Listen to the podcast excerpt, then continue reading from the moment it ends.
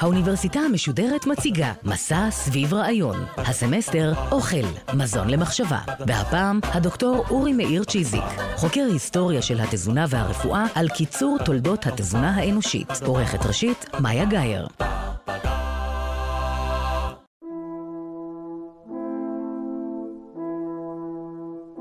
שלום, שמי אורי מאיר צ'יזיק, ואני חוקר את ההיסטוריה והאבולוציה של התזונה והרפואה, ובוחן במחקריי בעיקר את תהליכי ההתרחקות שלנו מהמזון ומתהליכי הייצור שלו.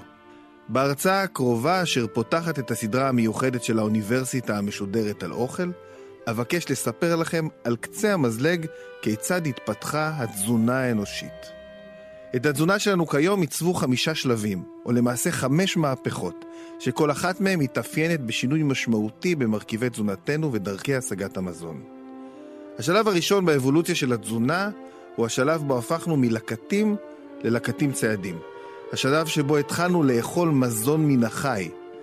זהו גם השלב האבולוציוני הרחוק ביותר מהיום. כדאי לזכור שהאדם הנבון, ההומו ספיאנס, כלומר אנחנו, הופיע רק לפני 200 אלף שנים, ואילו כאן אנחנו מדברים על עידן פרה-היסטורי, לפני מיליוני שנים. השלב השני הוא המהפכה החקלאית, השלב שבו התחלנו לאגור את המזון שלנו, ואחר כך גם לגדל אותו בשדות ולהתיישב ביישובי קבע. תהליך שנהוג לתארך את שיאו ללפני בערך עשרת אלפים שנה. זה היה תהליך משמעותי ביותר ששינה את מבנה החברה שלנו, את התנהגותנו וגם את תזונתנו. השינוי המרכזי בתזונתנו היה העובדה שעברנו מתזונה מבוססת ליקוד וציד לכזו שמבוססת על צריכה של זרעים יבשים. המאכל המייצג שלב זה הוא הלחם, שנולד עם תהליך אגירת החיטה. השלב השלישי הוא מהפכה קצת פחות מוכרת וידועה, מהפכת מוצרי המשנה. מהפכה זו היא מהפכה עוקבת למהפכה החקלאית, והתרחשה לפני בין 4,000 ל-6,000 שנה. מדובר בשלב בו התחלנו להשתמש בבעלי חיים לא רק בשביל הבשר שלהם, אלא גם לשימושים נוספים. המרכזיים בהם נועדו לצרכים פרגמטיים של חריש ותעבורה, אך הם כללו גם צריכת חלב ומוצריו. השלב הרביעי קשור בגילוי אמריקה ובמהפכה התעשייתית, ועוסק במעבר שלנו מחברה שתזונתה מבוססת על דגנים מלאים, לכזו שתזונתה מבוססת על סוכר מעובד. זהו שינוי שאת השפעתו על הכלכלה שלנו בכלל, ועל כלכלת המזון שלנו בפרט, אנחנו חשים היטב עד היום. מדובר בתהליך שהתרחש באופן הדרגתי ב-500 השנים האחרונות, מאז גילוי אמריקה והקמת הקולוניות ועד שיאו באמצע המאה ה-20. השלב החמישי הוא השלב בו אנו נמצאים כרגע, והוא השלב שאני מכנה שלטונה של תעשיית המזון. בימינו רוב האוכלוסייה צורכת בעיקר מזון מעובד, תעשייתי, ותלויה בתאגידי המזון כדי שיספקו לה אותו.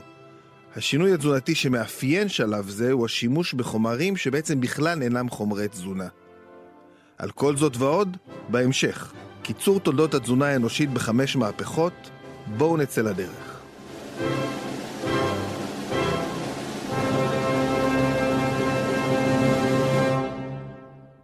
נתחיל מהבשר. יש מעט מאוד נושאים שיש עליהם הסכמה רחבה בין חוקרים מאותו תחום, שלא לדבר על חוקרים מתחומים שונים. כך גם בנוגע לבשר, אבל ספציפית לגבי האבולוציה של צריכת הבשר, יש לפחות שלושה דברים שרוב החוקרים מסכימים עליהם. הראשון הוא שמוצאנו הוא הרביבורי. כלומר, במקור אנחנו אוכלי צמחים, ומתישהו במהלך האבולוציה שלנו התחלנו לצרוך גם מזון מן החי. משמע, הפכנו מלקטים, שאוכלים רק מזון מהצומח, ללקטים ציידים, שאוכלים מזון מן החי לצד ליקוט צמחים. השני הוא שהמעבר הזה לצריכת מזון מן החי התרחש די מזמן. הערכות נעות בין 2 מיליון ל-20 מיליון שנה. אבל בכל מקרה, העדויות מראות שאנחנו אוכלי בשר כבר כמה מיליוני שנים לפחות. השלישי הוא שלמעבר הזה הייתה ככל הנראה השפעה מהותית על ההתפתחות שלנו, השפעה שהייתה אחד הגורמים שהובילו לתהליך שבסופו הפכנו לאדם הנבון, הומו ספיאנס. אבל מה בבשר השפיע על התפתחותנו? למה אנחנו צורכים מזון מן החי? רוב האנשים יגידו חלבון, ולא סתם. המחקר האקדמי התזונתי והארכיאולוגי מהלל ומשבח את החלבון מן החי, ולצידו תעשיית המזון, שגם היא דוחפת לאכילתו.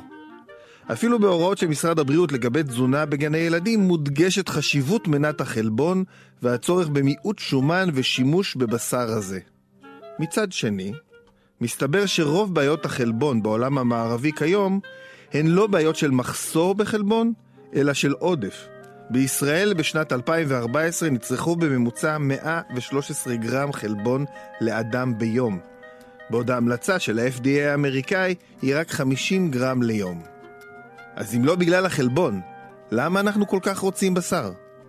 סקירה של כל המסורות והמחקרים שעוסקים בציידים לקטים מראה שבחברות אלו אכלו בעיקר בעלי חיים גדולים.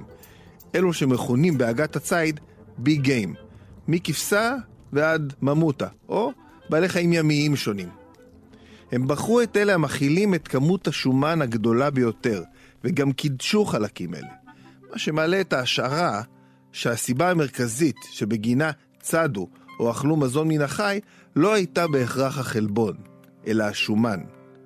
למעשה המוח, האיבר השומני ביותר בגוף היונק, נחשב בחברות המסורתיות למעדן וראשון לאכילה.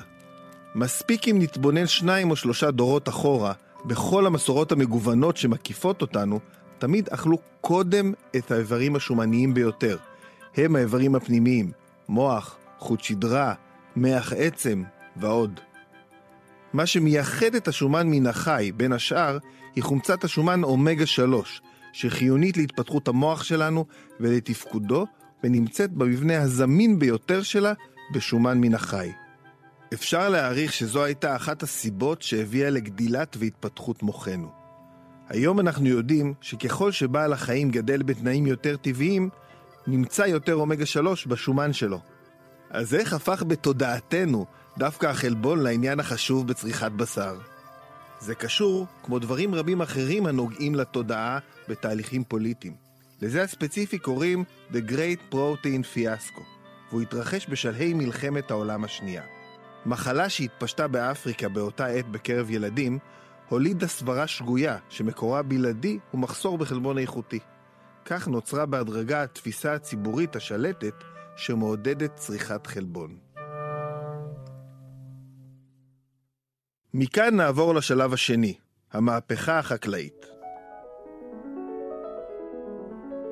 לאורך רוב ההיסטוריה האנושית היו הצמחים, בסיס התזונה האנושית, מלוקטים ישירות מהטבע בו צמחו ללא התערבותנו.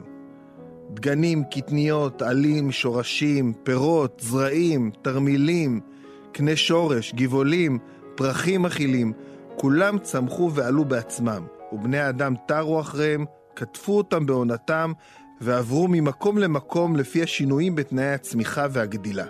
השלב בו לקחנו את צמחי הבר שליקטנו, ובדרכים שונות הפכנו אותם לצמחי תרבות אותם אנו מגדלים בשדות, נקרא המהפכה החקלאית.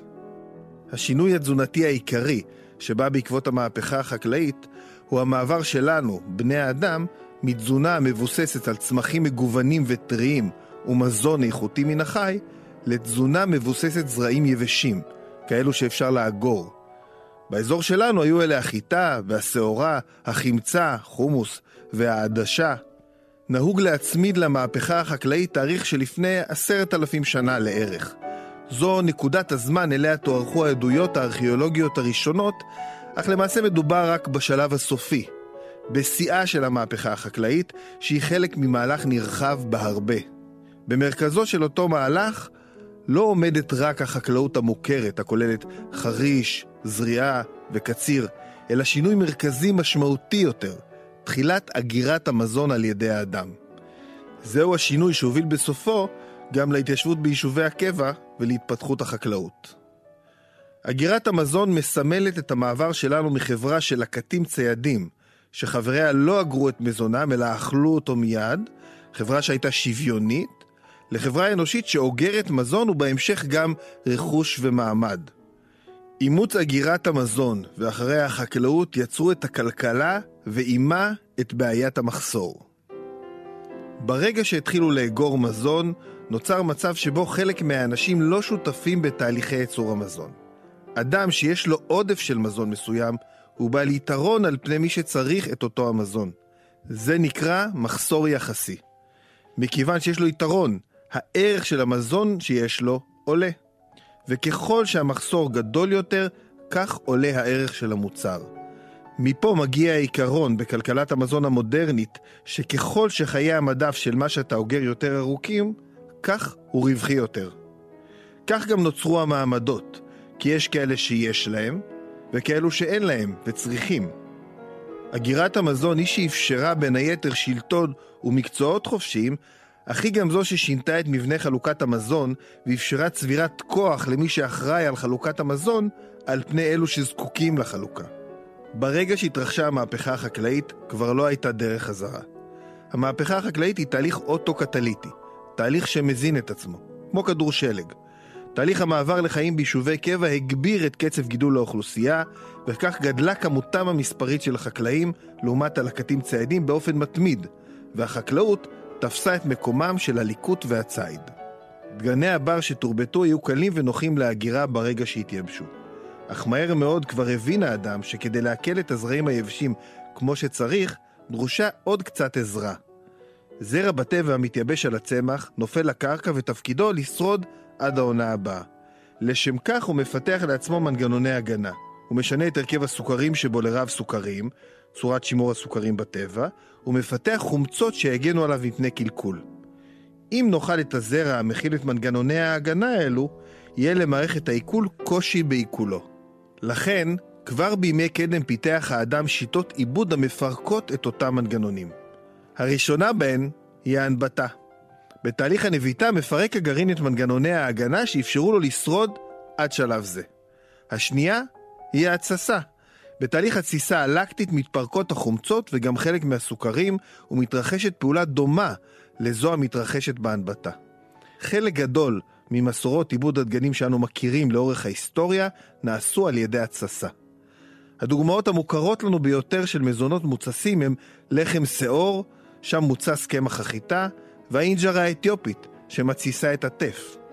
המהפכה החקלאית היא תהליך ארוך טווח שאומנם התחיל עם אגירת המזון, אך מעולם לא הסתיים. החקלאות נעשתה ועדיין נעשית יותר ויותר אינטנסיבית וחד גידולית, לעומת חקלאות מסורתית שהיא רב גידולית, דבר שלאורך זמן פגע בפרופיל התזונתי של הזרעים, גורם לדלדול קרקעות ולצמצום מגוון הזנים.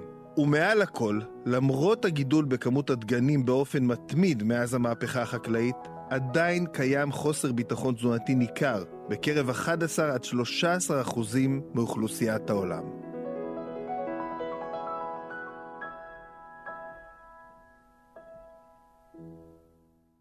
בואו נעבור לשלב הבא, מהפכת מוצרי המשנה. מהפכת מוצרי המשנה היא מהפכה עוקבת למהפכה החקלאית שהתרחשה לפני בין 4,000 ל-6,000 שנה. היא קצת פחות מוכרת מזו שקדמה לה, והיא השלב בו החל האדם להשתמש בבעלי חיים לא רק בשביל הבשר שלהם, אלא גם ובעיקר לצורך חריש ותעבורה, מהלכים ששינו ללא היכר את החקלאות ואפשרויות המסחר. מהפכה זו הרחיבה והעצימה את המהפכה החקלאית בזכות התפתחות היכולת לחרוש ולהעביר את המזון ממקום למקום. שינוי פחות מרכזי שהתרחש בעקבות מהפכה זו, אך היה משמעותי מבחינה תזונתית, הוא כניסתו של החלב מן החי כמרכיב תזונתי בתזונתם של חלק מבני האדם. אז למה התחילו לצרוך חלב של בעלי חיים? אחרי השלב הראשון של המהפכה החקלאית, בתחילתו של התהליך האוטו-קטליטי שתיארתי קודם, צמחה אוכלוסיית העולם בשל ההתיישבות ביישובי קבע. בחלק מהאזורים גרמה התרבות האוכלוסייה להרחבת השטחים החקלאיים, כדי לאפשר ייצור מספיק של מזון. אך הדבר לא התאפשר בכל מקום. באזורים מישוריים, עם מזג אוויר אחיד, אפשר היה ליצור שדות תבואה יותר ויותר גדולים. אך באזורים הרריים, בהם הגובה והאקלים משתנים בצורה תדירה יותר, וההתבססות מבחינה תזונתית לא הייתה על תבואה, אלא על בעלי חיים, היה צורך במציאת דרך שונה להגדלת כמות המזון, כדי שתספק את כמות האוכלוסייה הגדלה. הפתרון היה להתחיל להשתמש בחלב של בעלי החיים אותם גידלו. השימוש בחלב אפשר את הגדלת כמות המזון, וזאת מבלי להרוג את בעל החיים, כך שבהמשך ניתן יהיה גם לאכול את בשרו. אך צריכת החלב הייתה בעייתית לרוב האוכלוסייה. הסיבה לכך היא שתינוק נולד עם יכולת לפרק את הלקטוז, סוכר החלב הנמצא בחלב אם ובחלב של כל היונקים. הוא עושה זאת על ידי ייצור של לקטז, אנזים המופרש במעי הדק ומיוצר רק בגיל הינקות. אולם לאחר גיל הינקות מפסיק המעי הדק להפריש את הלקטז. ככל הנראה כי לא היה בו עוד צורך לאורך האבולוציה. אם כך, הוספת החלב לתזונת אנשי הערים הייתה הכרחית לכלכלת המזון שלהם, אך עיכול הלקטוז היווה מכשול משמעותי. במצב זה, במקומות בהם החלו לצרוך מוצרי חלב מתוך הכרח תזונתי, נוצר יתרון אבולוציוני לאנשים שהייתה להם מוטציה גנטית שאפשרה המשך ייצור של אנזים הלקטז גם אחרי גיל הינקות, ואפשרה בדרך זו את פירוקו של הלקטוז במערכת העיכול. מסיבה זו, במשך אלפי השנים בהן צרכו חלב באותם אזורים, עלתה באוכלוסייה באופן יחסי כמות האנשים הסבילים ללקטוז, כלומר אלו המסוגלים לפרק אותו. לצורך המחשה, בארצות סקנדינביה, שם צרכו חלב רב באותה תקופה, אי הסבילות ללקטוז היא סביב ה-10% בלבד, ולעומת זאת, בקרב אפרו-אמריקאים, השכיחות המוערכת היא 80%, ובדרום אמריקה, בממוצע סביב ה-50% ומעלה. נראה כי ככל שמתרחקים האזורים בהם היה צורך משמעותי בצריכת חלב במהלך מהפכת מוצרי המשנה, עולה כמות האנשים שסובלים מאי סבילות ללקטוז. בישראל, כ-80% מהאוכלוסייה סובלת מרמה זו או אחרת של אי סבילות ללקטוז.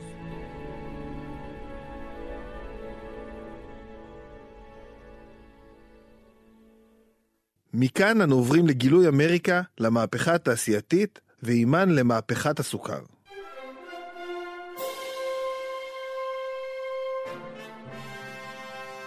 התהליך התזונתי המרכזי שהתרחש בעקבות גילוי אמריקה במהלך המאה ה-15, ובהמשך תהליך האיור באירופה והפעילות הקולוניאלית של מעצמות אירופה, היה המעבר של אוכלוסיית אירופה, ואחר כך אוכלוסיית העולם כולו, מתזונה מבוססת דגן מלא, בתהליך הדרגתי לתזונה מבוססת סוכר מעובד. תהליך זה לא היה בעל השפעה תזונתית בלבד, אלא גם פוליטית, כלכלית וחברתית עצומה על העולם כמו שאנחנו מכירים אותו היום.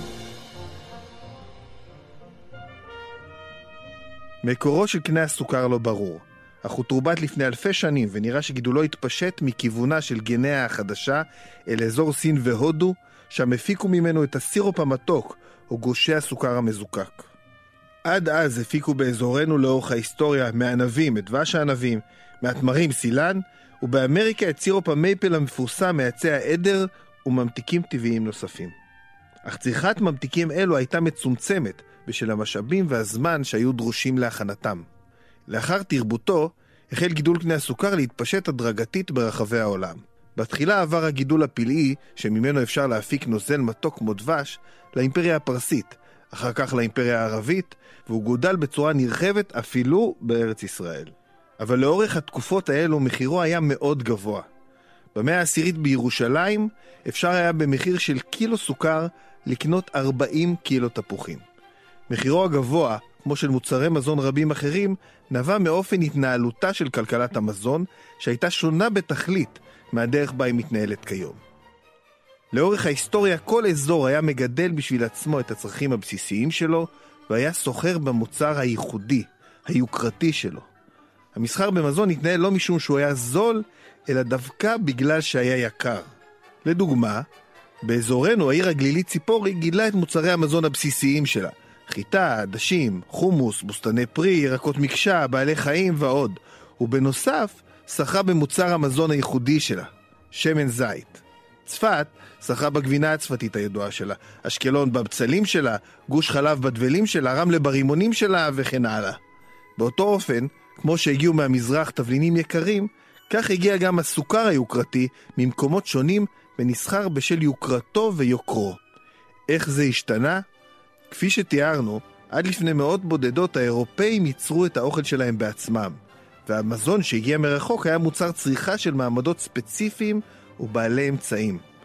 במסגרת הזו, סוכר היה מזונם של העשירים שיכלו להרשות לעצמם קניית מותרות.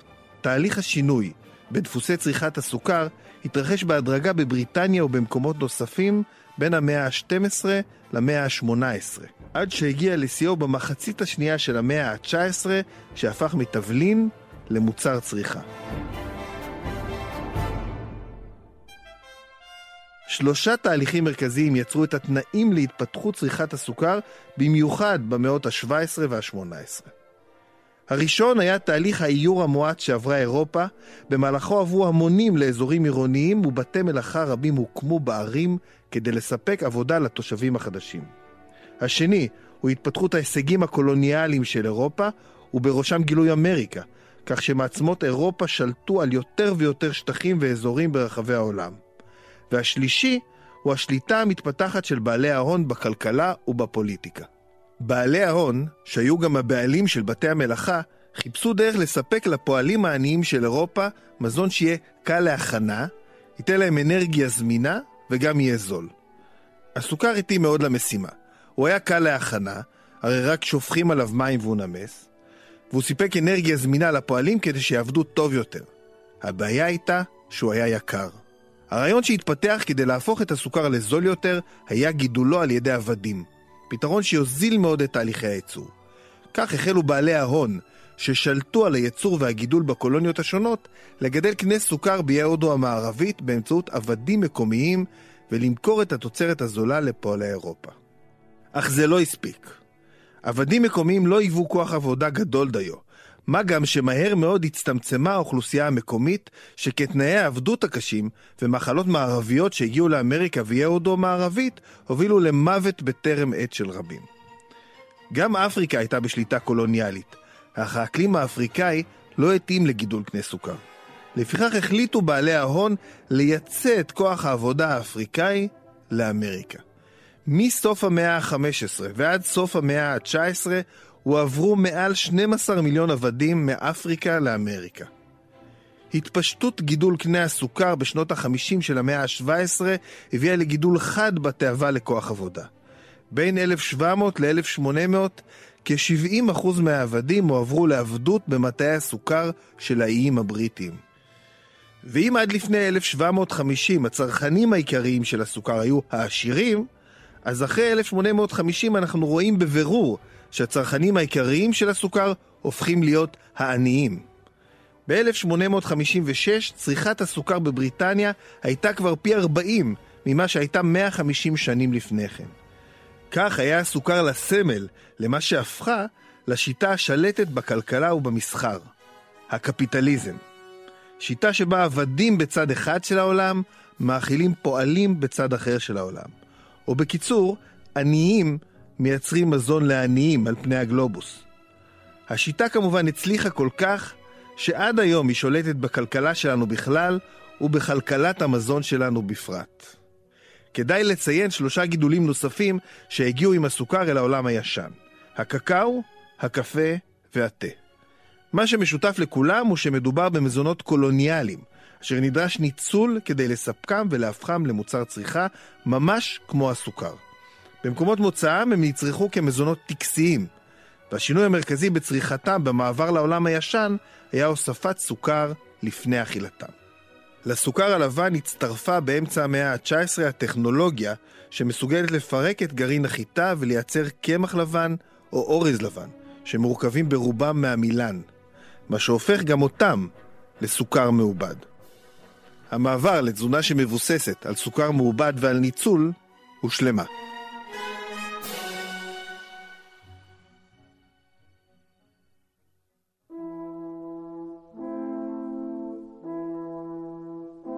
ומאז לימינו אנו. כיום אנחנו נמצאים בתוך שלב חדש בהתפתחות של התזונה האנושית, שלב שמתאפיין בכוח ושליטה.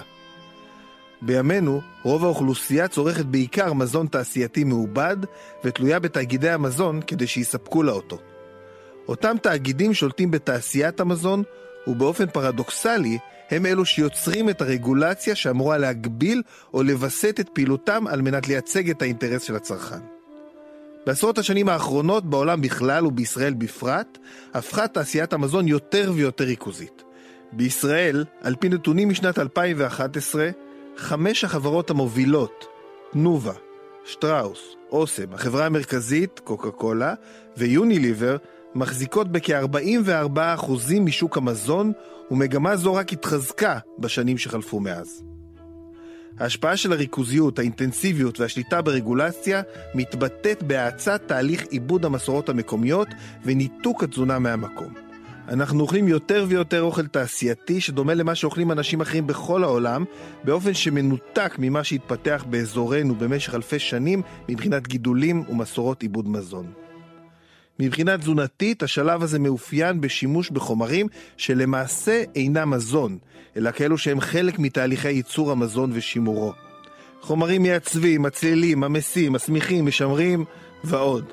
המחקר אמנם עוסק רבות בהשפעתם, וברור שלחומרים אלו יש השפעה על בריאות מערכת העיכול שלנו ובריאותנו בכלל, אך עדיין לא ברורות ההשפעות שנחווה כתוצאה מהם בטווח הארוך. לסיכום, אנחנו נמצאים בתהליך של התרחקות מהאוכל שלנו. כשהיינו לקטים ציידים, צדנו או ליקטנו את האוכל שלנו ומיד אכלנו אותו. ידענו אז בדיוק מאיפה הגיע האוכל שלנו ומה הוא עבר בדרך. לקראת המהפכה החקלאית התחיל תהליך של התרחקות. התחלנו לאגור את המזון שלנו, לגדל אותו בשדות, אחר כך עברנו ליישובי קבע, לכפרים ולערים, והיום הגענו למצב שבו לרוב האנשים אין מושג מה מקור האוכל שלהם ומה קרה לו בדרך לצלחת. מה שאני למדתי הוא שככל שאנחנו מתרחקים מתהליכי ייצור המזון שלנו, כך אנחנו מעמידים בסכנה גם את הבריאות הפיזית שלנו, גם את הסביבה שלנו וגם את הקהילה שלנו. המגמה שמובילים כיום בעולם ארגון המזון העולמי של האו"ם וארגונים נוספים הוא חיזוק הריבונות התזונתית. ריבונות תזונתית מתקיימת כשלאנשים יש גישה למזון מזין ומותאם לתרבותם, שיוצר באופן מקיים וכאשר מתקיימת זכותם להגדיר את המערכת התזונתית והחקלאית המתאימה להם. הריבונות התזונתית שמה בלב המערכת התזונתית ומדיניות המזון לא את כוחות השוק והתאגידים, אלא את שאיפותיהם וצורכיהם של אלו שמייצרים, מפיצים או צורכים את המזון. ובאמת, האם לא הגיע הזמן שנחשוב קצת יותר על האוכל שאנחנו אוכלים? מאיפה הוא הגיע? מה הוא עבר? ולאן הוא הולך? אכן, מזון למחשבה.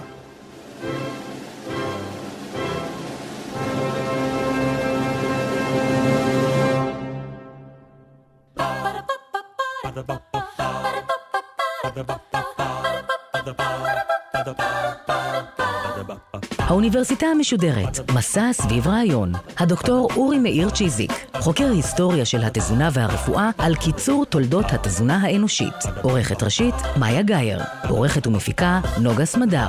האוניברסיטה המשודרת, בכל זמן שתרצו, באתר וביישומון גלי צה"ל ובדף הפייסבוק של האוניברסיטה המשודרת. Ba-da-ba.